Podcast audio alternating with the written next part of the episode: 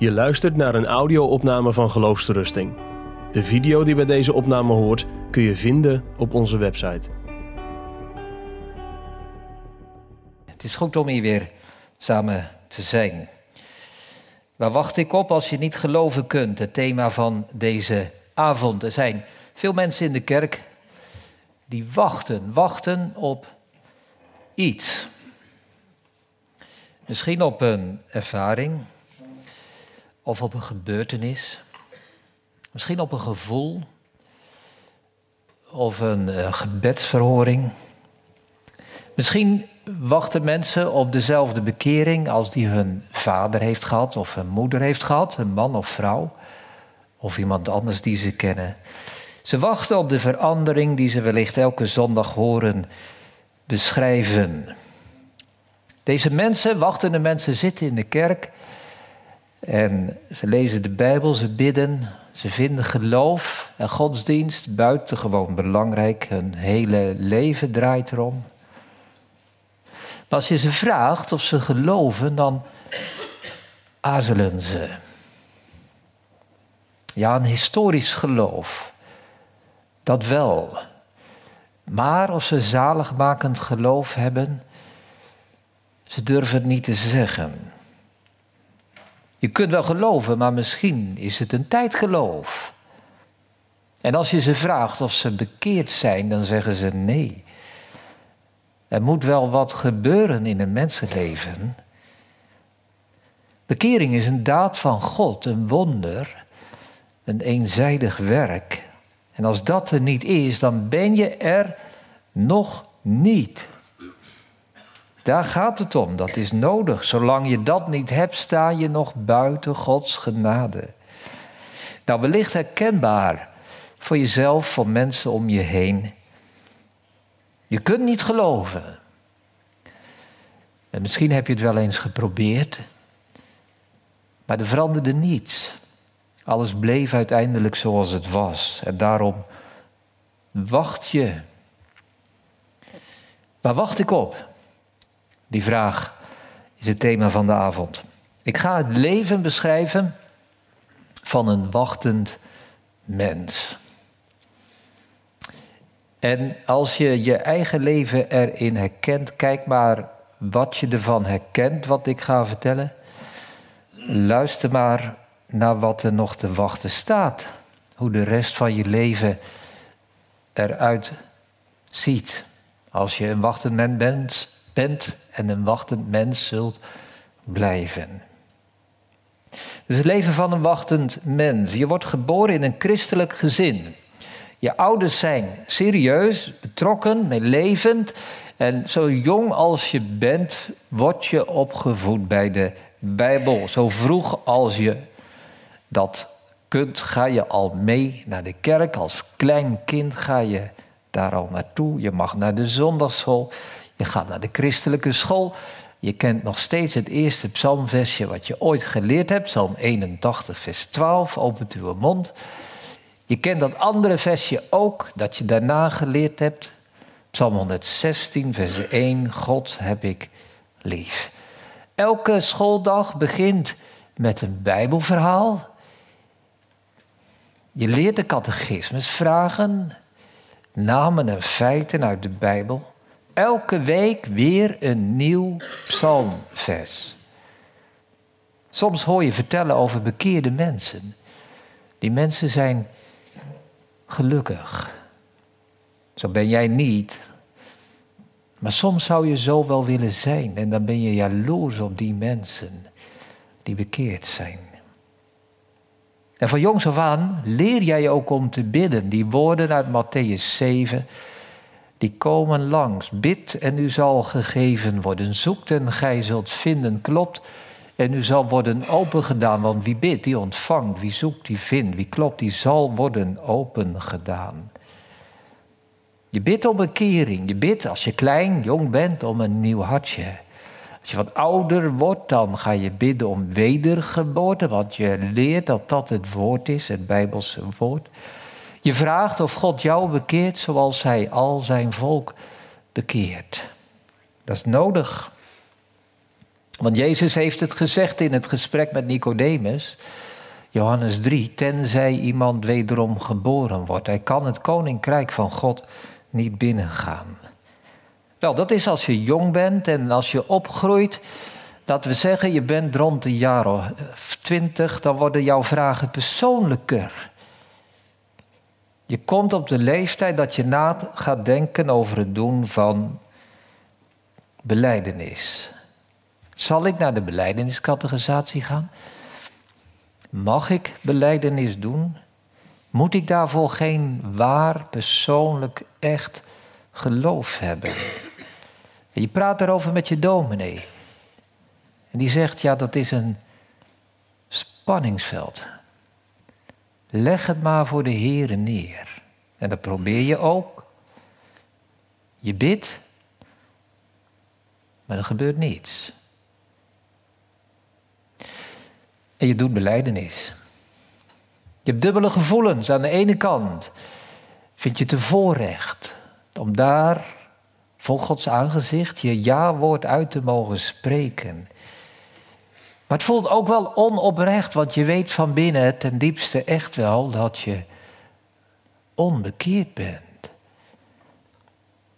Had ik beleidenis mogen doen? Ik heb nu, denk je, ik heb nu wel een kerkelijk recht, maar heb ik ook een goddelijk recht gekregen? Wel, diezelfde spanning ervaar je als je trouwt. Diezelfde spanning ervaar je als je eerste kindje op komst is. Als geboren wordt. Alle mensen om je heen verwachten natuurlijk dat je je kindje laat dopen. Maar kan ik wel ja zeggen? Is dat wel eerlijk? Het staat zo duidelijk in het doopformulier. Niet uit gewoonte en bijgelovigheid. Ja, maar, maar hoe dan wel? Je doet het. Uit gewoonte. Weer een spanningsveld. Ja, dat woord komt opnieuw langs. En het bidden gaat door. Weer die tekst uit Matthäus 7. Bid en u zal gegeven worden. Zoekt en gij zult vinden. Klopt en u zal worden opengedaan. En dan op een zondag preekt de dominee over Habakkuk 2. Het derde vers. Zo hij vertoeft, verbijt hem, want hij zal gewisselijk komen. En de dominee legt uit wat die woorden betekenen. Zo hij vertoeft, als God lang op zich laat wachten, verbijt hem. Dat betekent Blijf volhouden. Blijf uitzien. Geef niet op. Je voelt je aangesproken, want deze preek gaat over jou. Je wacht en het duurt zo lang. God vertoeft. Hij kwam nog niet en hij komt nog steeds niet. Wanneer zal hij komen? Het staat in de tekst. Hij zal gewisselijk komen. Het klonk heel hoopvol, maar als je een paar dagen, als je een week verder bent na die preek, dan zakt dat gevoel wat en de twijfel komt weer binnen. Zal God wel komen? Want hij is er toch niet verplicht. Uiteindelijk redt God alleen de uitverkorenen. Er staat toch ook in de Bijbel, velen zijn geroepen, maar weinigen uitverkoren. Veruit de meeste mensen gaan verloren. Het is maar een klein kuddeke. En zeker in deze donkere tijd. Er staat, weet je zo, uit je hoofd ergens in de Bijbel: één uit een stad, twee uit een geslacht. Het is niet veel.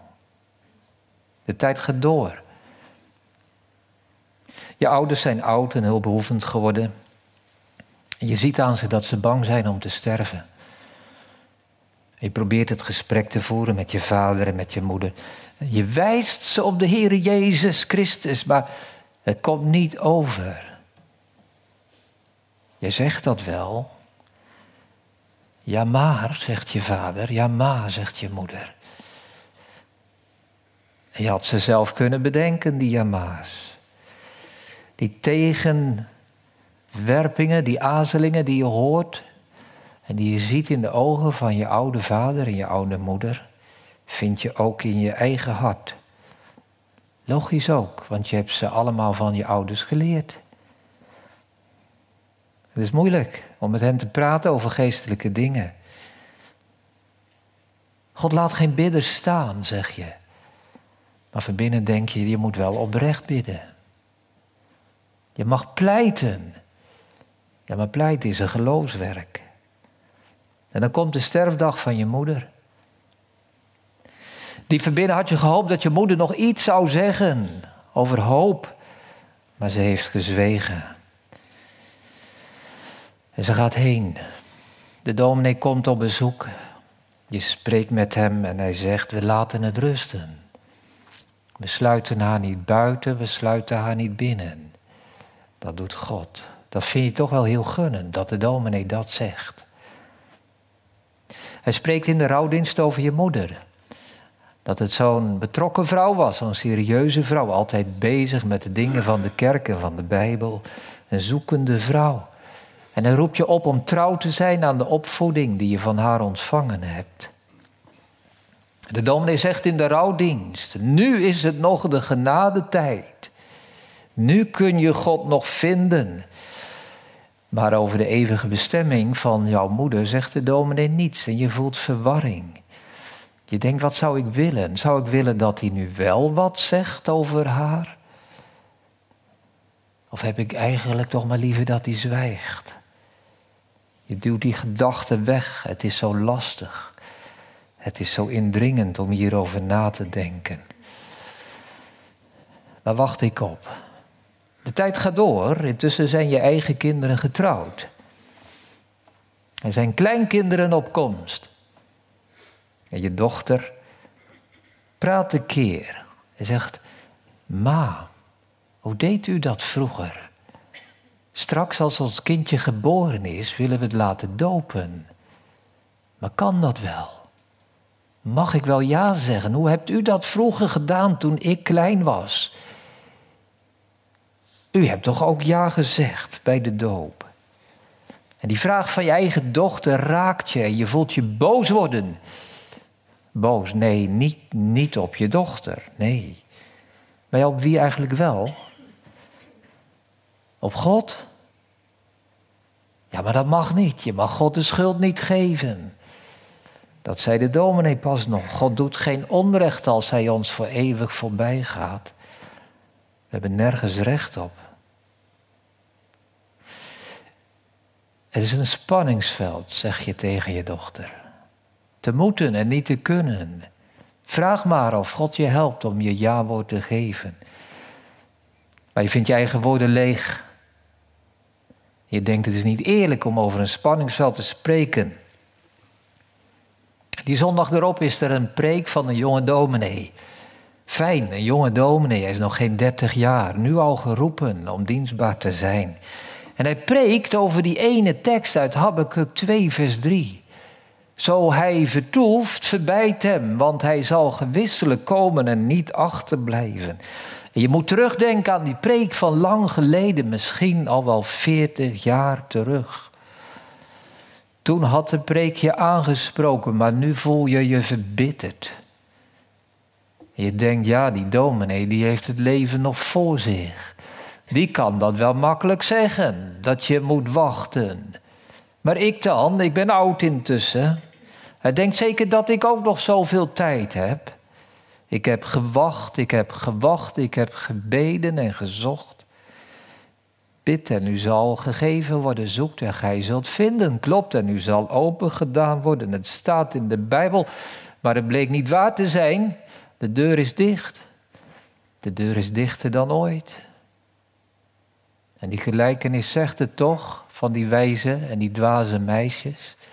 Matthäus 25, ze bonzen op de deur en de deur bleef gesloten. Vaak denk je aan die woorden van de profeet Jeremia. De oogst is voorbij gegaan, de zomer is ten einde, nog zijn wij niet verlost. Zo is jaar na jaar verstreken.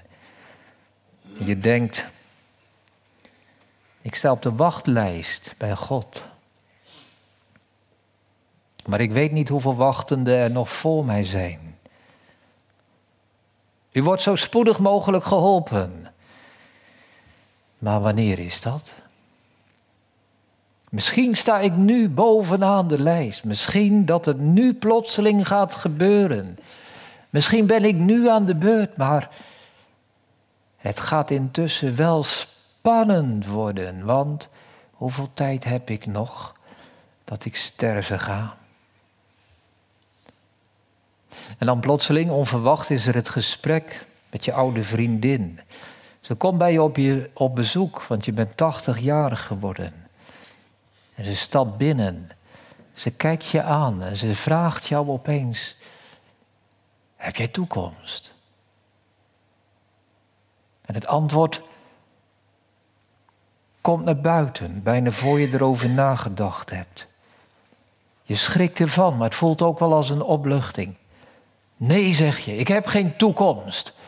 En mijn hart is vol opstand tegen God. Ja, je kinderen zien het wel dat je bang bent om te sterven. Ze praten met jou. Ze wijzen jou op de Heer Jezus.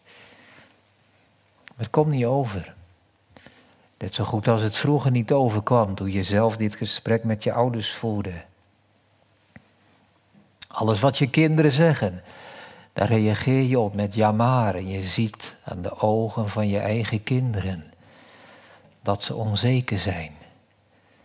En dat ze zelf eigenlijk ook niet goed geloven in de antwoorden die ze geven. Logisch ook, denk je. Ik heb hen de jama's geleerd. En kort daarna sterf je. Je kinderen hadden graag nog iets van jou gehoord.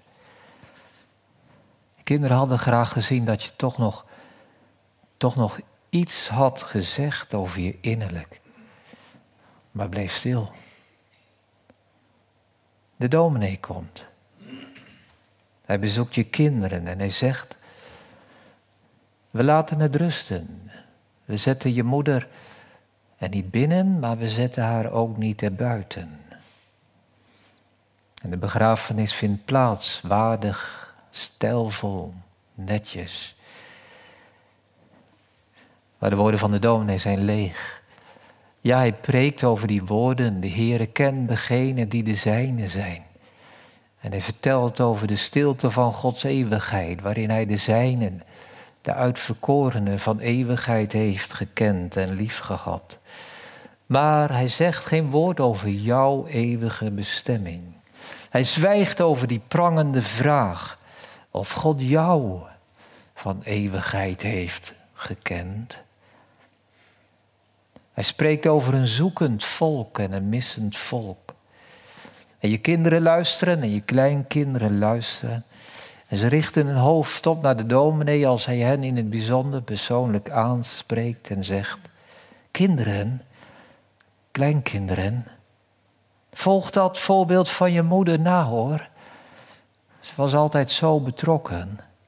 Ze was altijd zo bezig met de dingen van Gods woord. Nooit liet ze haar plaats in de kerk leeg. Onthoud het kinderen, onthoud het kleinkinderen wat er in de Bijbel staat. Zo God vertoeft, verbijt hem, want hij zal gewisselijk komen. Onthoud het maar, kleinkinderen, er staat in de Bijbel, bid en u zal gegeven worden, zoekt en gij zult vinden, klopt en u zal worden opengedaan. Tot zover het verhaal van een wachtend mens. Waarom is dit zo aangrijpend? Ik zou heel veel dingen kunnen noemen. De tragiek van zo'n wachtend, lang wachtend leven. De onzekerheid over je eigen eeuwige bestemming.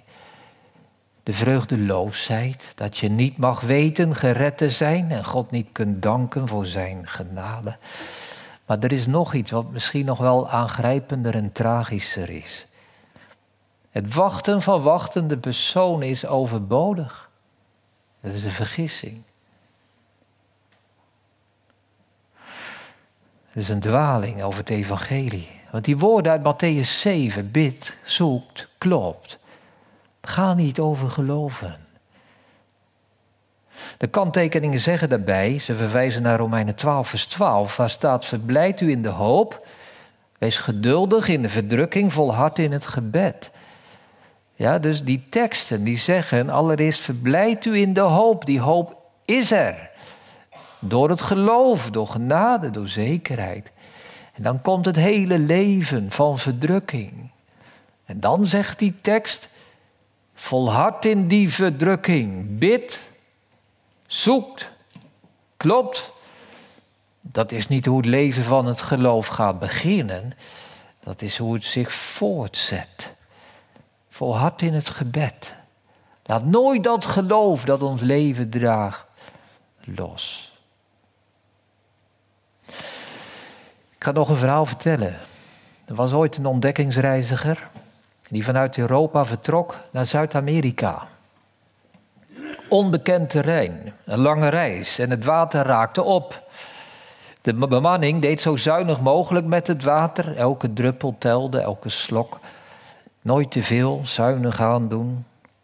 Maar het werd minder en minder en op een gegeven moment was alle drinkwater in het schip op. En de matrozen versmachten van dorst en ze wisten dat ze zouden sterven als ze niet heel spoedig zoetwater, drinkwater zouden vinden.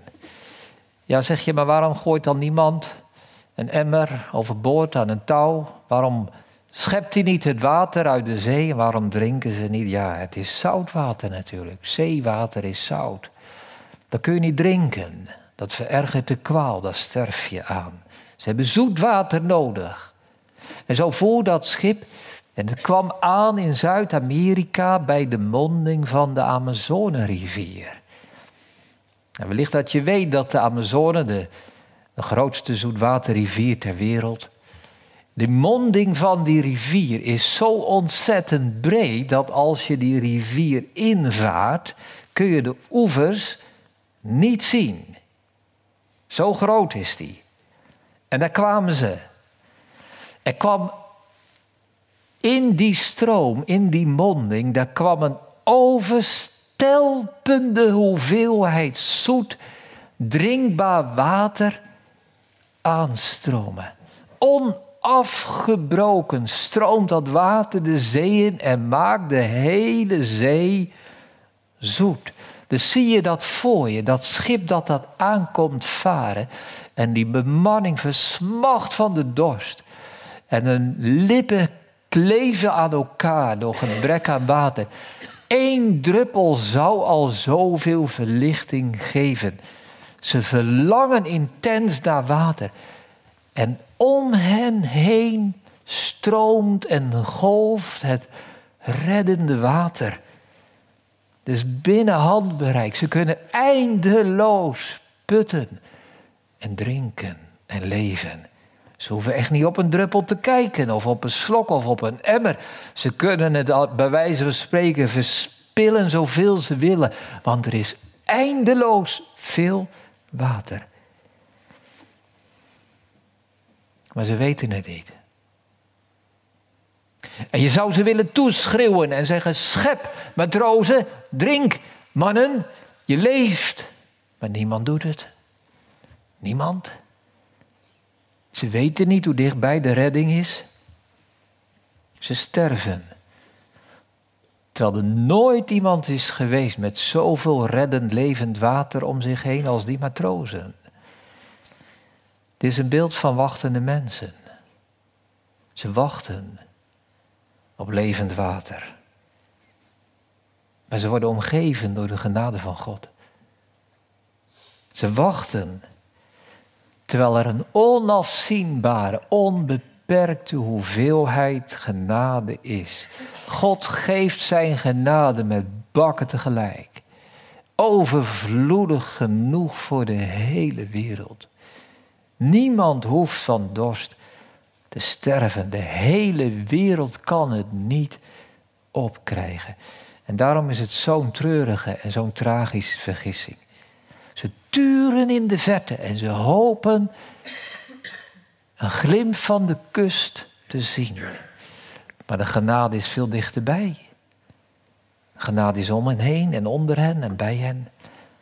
Ze mogen met vreugde water scheppen uit de fonteinen van het hel. En voor hen, die wachtende mensen, gelden belofte. Laat hij die dorst heeft komen. En laat Hij die wil het water des levens nemen voor niets. Ik schakel over weer op een ander beeld. Het beeld van een schuilplaats in een niemandsland. Stel je twee landen voor, land A, land B. Er zijn mensen die uit land A gevlucht zijn naar het niemandsland tussen beide landen in. En daar verkeren zij. Zij hopen dat zij ooit toegelaten worden tot de vrede van land B. Omdat zij de oorlog in land A willen ontvluchten. En daar verkeren ze in het niemandsland. Het is er een beetje behelpen, het is er bepaald niet aangenaam. Ze missen de mooie dingen van land A, maar hebben ook niet de overvloed van land B. Ze wachten tot ze ooit, wie weet, door de koning van land B toegelaten worden en gered zijn. Maar ja, zal die koning van land B hen ooit komen redden? Ja, die koning van land B redt mensen. Maar, en hier komt het, hij redt geen mensen uit het niemandsland. Hij redt mensen uit land A. En die mensen in dat niemandsland, die wachtende mensen, als die gered willen worden, als jij, als u gered wil worden, dan moet je het niemandsland verlaten en teruggaan naar land A. Dat verloren en dode land. Dat is de plek waar jij wordt gered. Dat is het land waar de genade je komt redden. En dat is mijn oproep aan alle wachtende mensen vanavond in ons midden. Ga terug uit je wachtende positie, uit het niemandsland. Ga terug naar die plek waar je dood en verloren bent. Want daar redt God mensen. Geef je voorsprong en je voorrecht op. Wees niet meer dan een vijand en een zondaar, als een dode verlorene. Abraham moest zijn land en zijn stad verlaten om in een beloofde land te komen. De Joden moesten hun voorrechten opgeven. Zij zochten God met hun ijver, maar zonder inzicht. En zij moesten het opgeven om zalig te worden in Christus. Paulus leerde dat alles schade en drek was om zo Christus te gewinnen. De rijke jongeling moest leren, die kreeg de woorden dat hij al zijn rijkdom los zou laten, want dan alleen zou hij rijk worden. De man in die gelijkenis verkocht alles wat hij had om die ene parel te kopen, om die ene schat in de akker te verkrijgen. De man in een brandend huis moet springen om zich op te laten vangen door de brandweerlieden die beneden staan.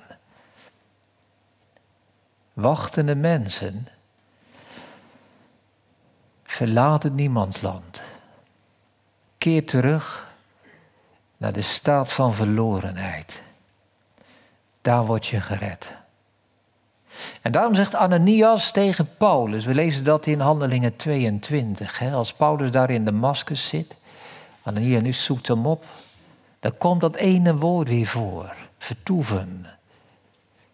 Paulus zegt Ananias, waarom vertoeft gij? Waar wacht je nog langer op? Sta op. Matthew Henry zegt in zijn uitleg daarbij, wat vertoeft gij? Ons aangaan van een verbond met God in Christus is noodzakelijk werk dat geen uitstel leidt. De zaak is zo duidelijk dat ze geen overweging hoeft. Je hoeft daar niet nog eens over te wikken en te wegen. Het gevaar, zegt hij, is zo groot dat uitstellen dwaasheid is. Waarom, zegt Matthew Henry, zou niet nu gedaan worden wat toch eenmaal moet gebeuren als je niet ten verderve wil gaan. Waarom zou je niet vandaag als een verloren zondaar bidden om genade, als het toch ooit in je leven moet gebeuren dat je dat doet? Want je hebt geen tijd om te wachten. Je mag God niet vragen of Hij vertoeft. Luister wat de psalmen ons voorzeggen. Psalm 40, mijn redder. O mijn God, bestierde van mijn lot, vertoef niet. Wacht niet langer, hoor mijn klacht. Psalm 70 zegt het, daal haastig ter verlossing niet. Mag ik dat zeggen? Mag ik God die opdracht geven dat hij nu neerdaalt? Het is zijn eigen woord. Daal haastig ter verlossing neer, o God. En red mij uit gevaren, uit angsten die mijn ziel bezwaren. Spoed u te mijne hulp, o Heer. Psalm 143. Heer, doe mij spoedig ademhalen.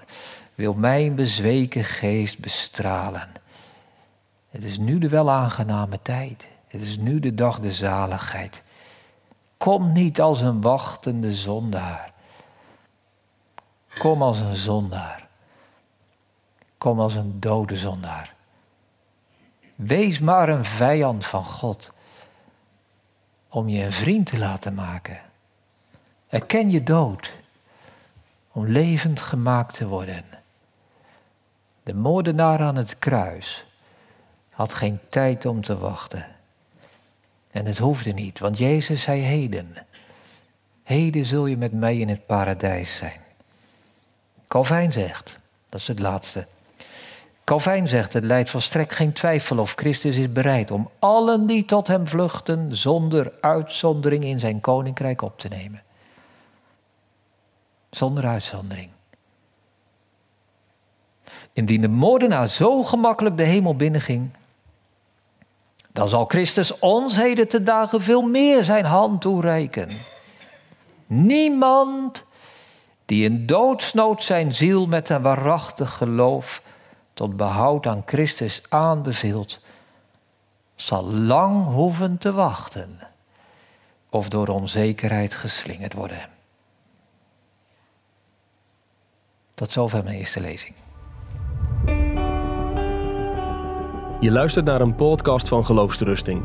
Wil je meer luisteren, lezen of bekijken? Steun dan ons werk en ga naar de website geloofsterusting.nl.